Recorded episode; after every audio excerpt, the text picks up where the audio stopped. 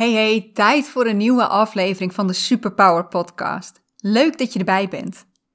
Ik ben Anneke Procé en als coach begeleid ik mensen die eraan toe zijn om te ontdekken wat hun eigen pad is in dit leven. Om vol vertrouwen je eigen keuzes te maken en jezelf die keuzes ook te gunnen. Om te ontdekken welke keuzes jij voor jezelf wil maken, is het wel belangrijk om te weten wie jij bent, hoe jij in elkaar steekt. En te zien dat alles er mag zijn. Dat er geen kwestie is van goed of fout. Maar in de vorige aflevering heb je ook kunnen zien dat je delen van je karakter hebt verloren. Of ja, eigenlijk hebt weggestopt in een kast omdat je al heel jong leerde dat die karaktereigenschappen niet goed waren. Tenminste, niet goed volgens de volwassenen in jouw leven. Deze weggestopte karaktereigenschappen ben jij je niet meer echt bewust van. Niet echt meer, maar dat betekent niet dat ze er niet nog steeds zijn en dat ze niet nog steeds jouw aandacht vragen. Hoe? Door op onverwachte momenten jou het gevoel te geven dat je ergens anders behoefte aan hebt. En je je ondertussen schuldig voelt omdat je het gevoel hebt dat dat niet mag. Voorbeeld uit mijn eigen leven. Tijd voor mezelf willen en daarom nee zeggen tegen een uitnodiging. Hoe asociaal kun je zijn? Ondertussen weet ik dat het anders zit. Dat die tijd voor mezelf willen en eigenlijk ook gewoon nodig hebben, dat dat een deel is van mij. En dat dat niet iets is waar ik me voor hoef te schamen, of dat dat slecht is aan mij. En zo heb jij ook een aantal van die karaktertrekken die je niet uit de kast durft te laten komen, maar die toch af en toe jouw aandacht willen, ook al weet je niet eens dat ze er zijn. Daarom ga je in deze podcast aan de slag met drie manieren: oefeningen, methodes, opdrachten. Hoe je het ook wil noemen, ik kan er nooit een mooi woord voor vinden. If you have one, let me know. Uh, maar goed, je gaat aan de slag met drie manieren waarmee jij jouw karakter weer beter kunt leren kennen. Uh, de karaktereigenschappen die je eigenlijk al heel goed van jezelf kent en die ook echt bij jou passen. De karaktereigenschappen die je vaak laat zien, maar die eigenlijk aangeleerd zijn. En de karaktereigenschappen die ook authentiek bij jou passen, maar die jij hebt weggestopt. Welkom bij de Superpower Podcast. Ik ben Anneke Procé, coach. In deze podcast laat ik jou zien dat jij geen genoegen hoeft te nemen met jouw werk als dit jou niet gelukkig maakt. Als jij hier geen voldoening uit haalt. En ik breng je weer in contact met jouw superkrachten, zodat jij het beste uit jezelf, uit je werk en uit je leven kunt halen. Ja, in deze podcast ga jij zelf aan de slag. Ga je zelf op onderzoek uit. Je gaat een eerste stap zetten om jouw persoonlijkheid, jouw karakter weer helder op het netvlies te krijgen. Ik heb er drie oefeningen voor die je of allemaal mag doen of waar je er eentje van kunt kiezen. Whatever floats your boat. Maar hoe meer je er doet, hoe meer je ontdekt. Uh, doordat je bij de ene oefening iets ziet wat je bij de andere niet zag, of doordat je bepaalde kenmerken van jouw karakter bij meerdere terug ziet komen en ziet hoe krachtig die eigenlijk zijn.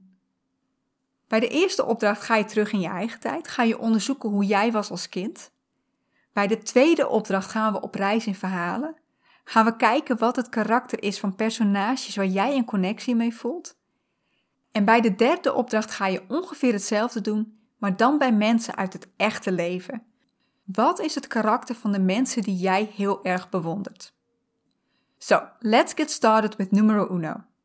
Terug in de tijd, jouw karakter als kind. Eigenlijk bestaat deze oefening uit twee delen.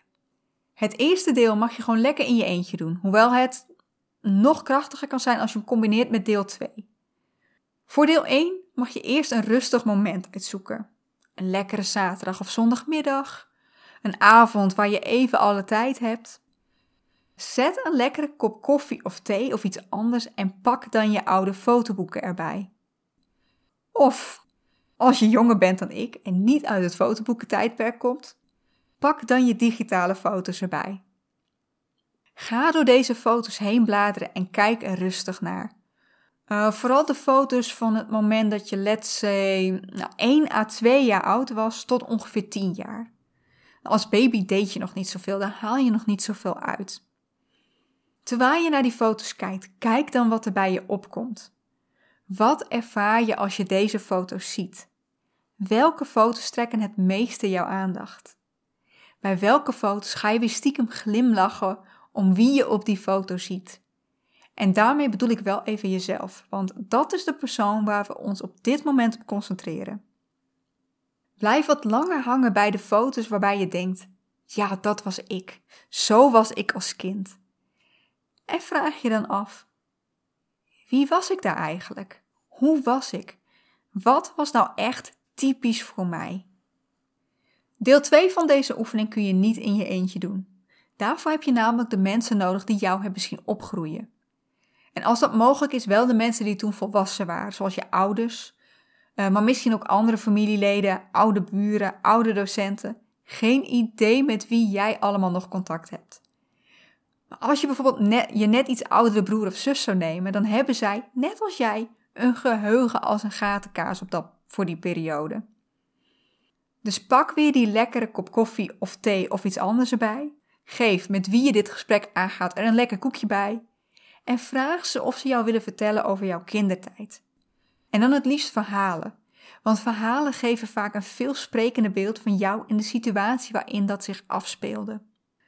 Je kunt ook direct vragen: hoe was ik als kind? Maar dan krijg je vaak een heel beperkt antwoord. Uh, je was altijd heel stil.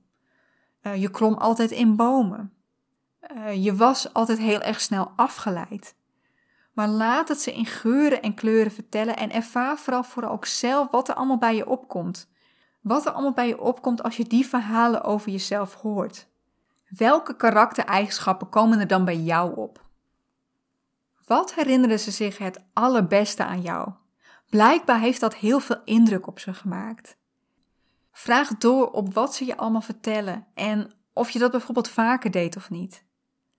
En aangezien we niet alleen uit zijn op alles wat ze geweldig aan jou vonden, maar juist ook die stukjes die ze liever wilden dat, ze, dat je dat minder liet zien, Wanneer was je, in hun ogen natuurlijk, wel eens lastig? Wat hadden ze liever dat jij dat minder deed? En kreeg je wel eens straf, thuis of op school? En wat was dan de reden dat je straf kreeg? Deze herinneringen ophalen kun je natuurlijk ook supergoed combineren met die foto's.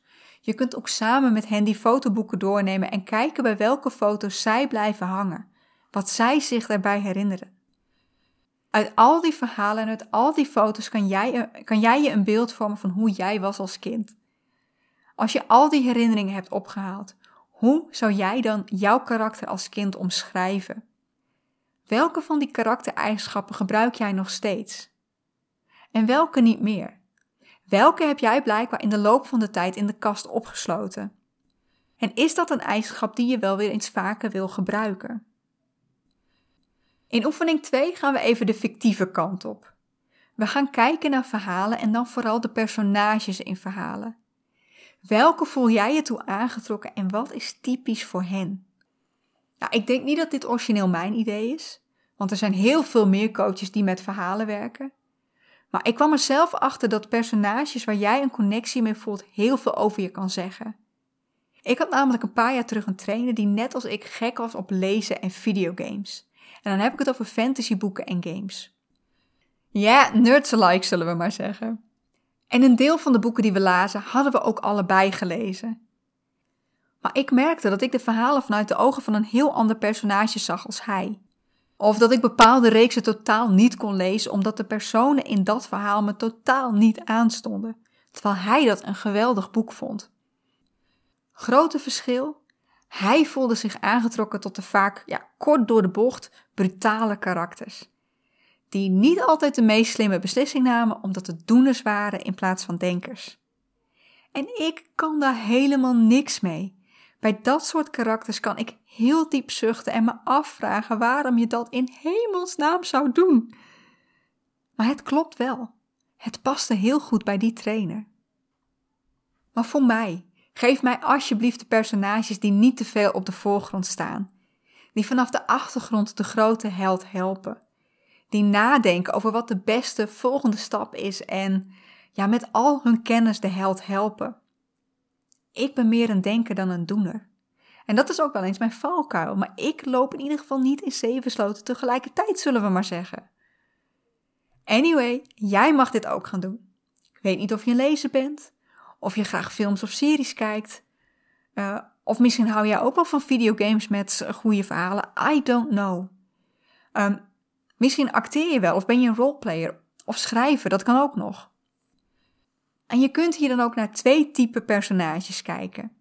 De fictieve personages die je tegenkomt in verhalen en de fictieve personages die je zelf speelt of schrijft. Laten we eerst naar de eerste gaan. Kijk eens naar een aantal verhalen die jou heel erg aanspraken. Kan zijn uit boeken, uit films of series, games. En in mijn voorbeeld was het fantasy, maar in principe kan het elk genre zijn. Hoewel het wel een genre moet zijn waar je de karakters ook echt een beetje leert kennen, waar je, waar je in hen in kunt leven. Binnen die verhalen, welke personages spraken jou het meeste aan? En als het een verhaal is wat vanuit meerdere personages geschreven is, vanuit welk personage beleefde jij dat verhaal het meeste? Ik heb echt boeken gehad waar ik delen over bepaalde personages bijvoorbeeld het liefst oversloeg, terwijl er andere delen waren over een ander personage waar ik helemaal in werd meegetrokken. Als je dan naar deze personages kijkt, wat maakt dat jij je aangetrokken voelt tot dit personage? Hoe zou je het karakter van hem of haar omschrijven? En ook, wat doen zij waar jij stiekem een beetje jaloers op bent? Waarvan jij denkt, oh, kon ik dat maar doen in het echte leven? Maar waar je ondertussen ook denkt, maar dat kan ik toch niet maken? En dan hebben we de personages die je zelf speelt of schrijft. Als je acteert, dan kan ik me zo voorstellen dat je een rol krijgt om te spelen. En dat je daar niet of maar heel beperkt zelf invulling aan mag geven. Wat denk ik ook vaak voorkomt, is dat het een personage is met een karakter dat niet gelijk is aan jouw karakter. Of in ieder geval het karakter wat jij in jouw dagelijkse leven het meeste laat zien. Nou heb ik echt 0,0 ervaring met acteren. De laatste en enige keer dat ik heb geacteerd is de schoolmusical in groep 8. Dus als ik ernaast zit, forgive me. Onderzoek de rollen die jij hebt gespeeld eens. Welke rollen vond jij heel fijn om te spelen? Waardoor kwam dat? Wat had deze rol wat jij zo lekker vond om te laten zien? En wat vond je heerlijk om eens uit te mogen proberen, ook al zou je dat in het echte leven nooit doen, nooit durven?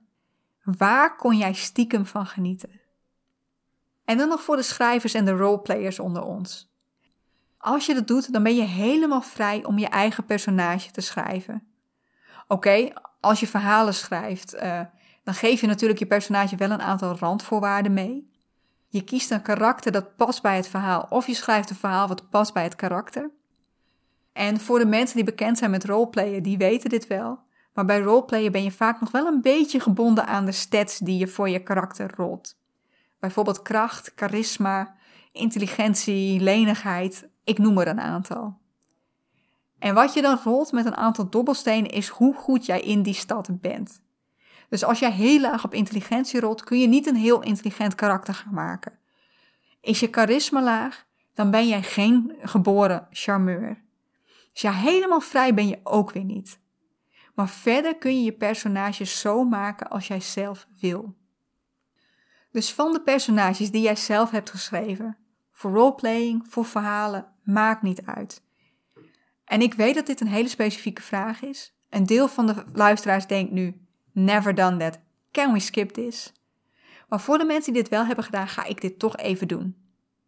En voor de mensen die nog nooit een personage hebben geschreven, laat je verbeelding eens de vrije loop.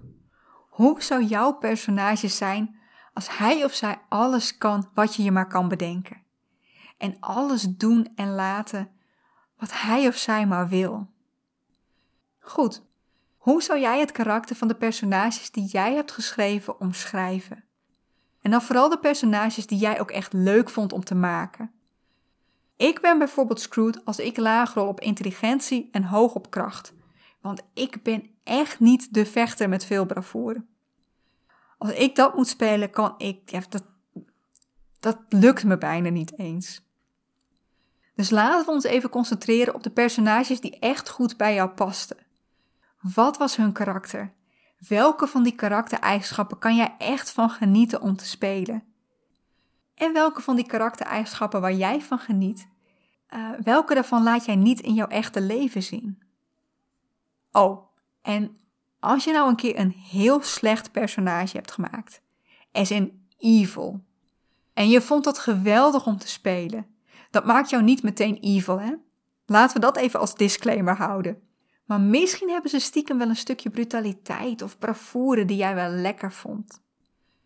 Als je dit hebt gedaan voor personages die je kent uit verhalen en of personages die je zelf hebt geschreven, dan heb je nu een verzameling aan allerlei karaktereigenschappen die jou aanspreken. Welke zijn dit en welke zou je graag ook zelf meer willen hebben, meer willen laten zien? En misschien zitten er ook wel karaktereigenschappen tussen die jij juist minder wil laten zien. On to exercise number 3. Ongeveer wat we hiervoor hebben gedaan, maar dan voor echte mensen. Mensen die heel dicht bij jou staan. Denk aan familieleden, vrienden, collega's, leidinggevenden, etc. Mensen die je in het echt ook regelmatig ziet of spreekt. Of hebt gezien of gesproken als het mensen zijn die ja, ondertussen niet meer in leven zijn.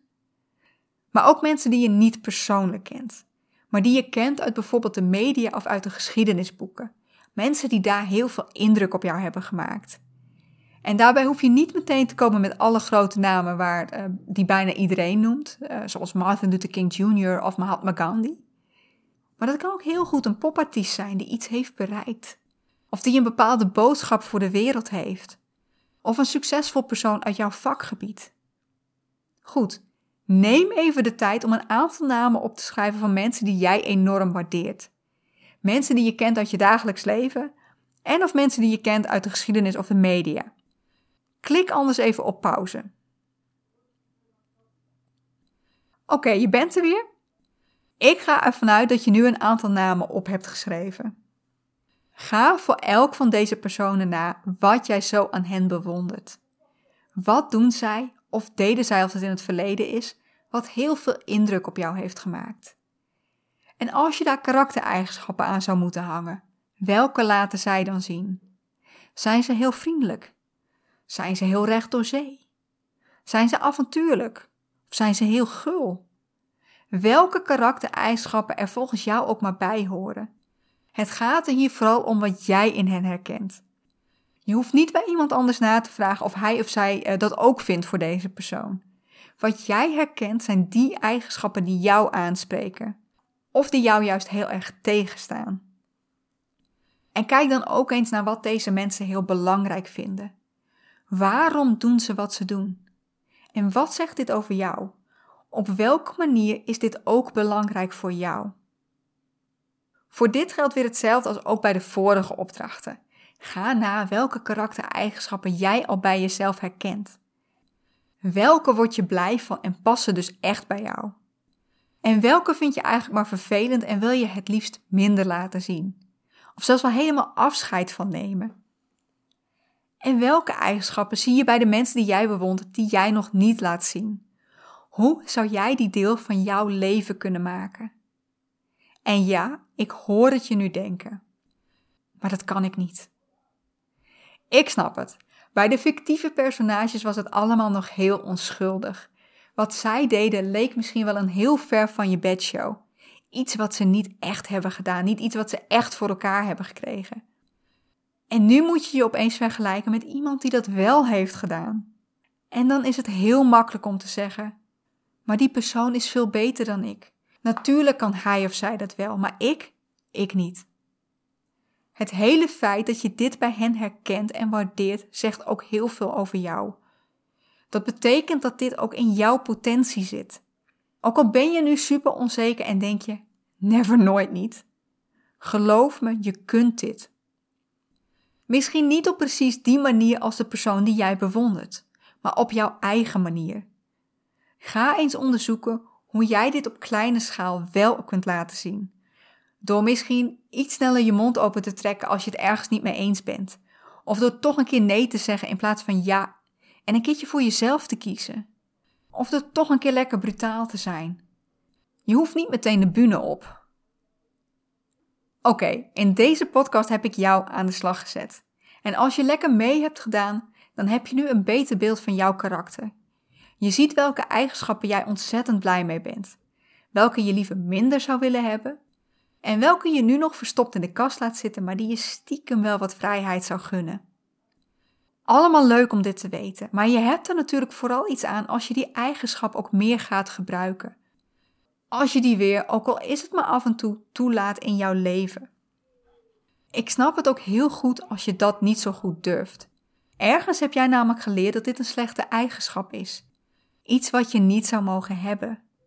Maar tenzij je echt mensen of dieren pijn wil doen, is het de vraag of er wel zoiets bestaat als een slechte eigenschap. Ben je wel eens onzeker, dan ben je in ieder geval voorzichtig. Ben je wel eens brutaal, dan kom je in ieder geval voor jezelf op.